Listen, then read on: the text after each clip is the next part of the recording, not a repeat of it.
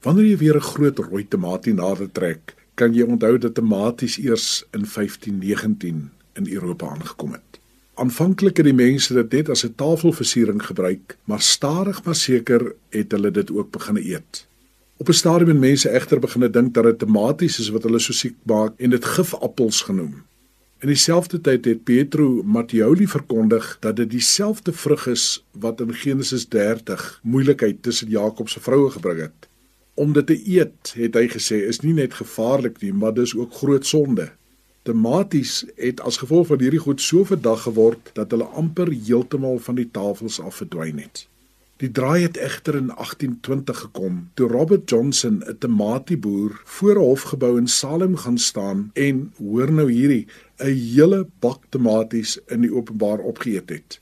Die publiek het met groot oë toe gekyk en verwag dat hy enige oomblik gaan neersak of nog erger dat die Here hom met 'n weerligstraal getref wat ek bedoel is dit mos nou groot sonde wat hy doen maar hy bly leef en ons almal eet vandag nog met groot lus die tomaties.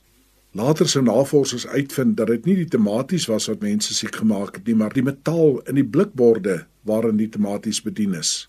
Dit was ook definitief nie die vrug waarvan in Genesis 30 gepraat is nie. Die belangrike vanaand is dat dit een man geneem het om tomaties op ons almal se tafel te plaas. Op soveel plekke in die Bybel word daar soortgelyke verhale vertel. Terwyl almal vir Goliat teen die koppies uitvlug, stap een man, Dawid, met 5 klippies en 'n slingervel uit en wen die stryd. Die tempel in Jerusalem word deur Nebukadneser verwoes en al die mure afgebreek. Een man, 'n kelner Nehemia, tel die eerste klip op en die mure word binne 52 dae herbou.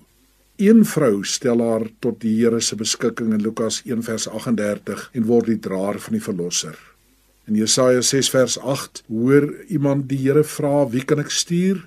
Wie sal ons boodskapper wees?" Jesaja antwoord: "Hier is ek, stuur my."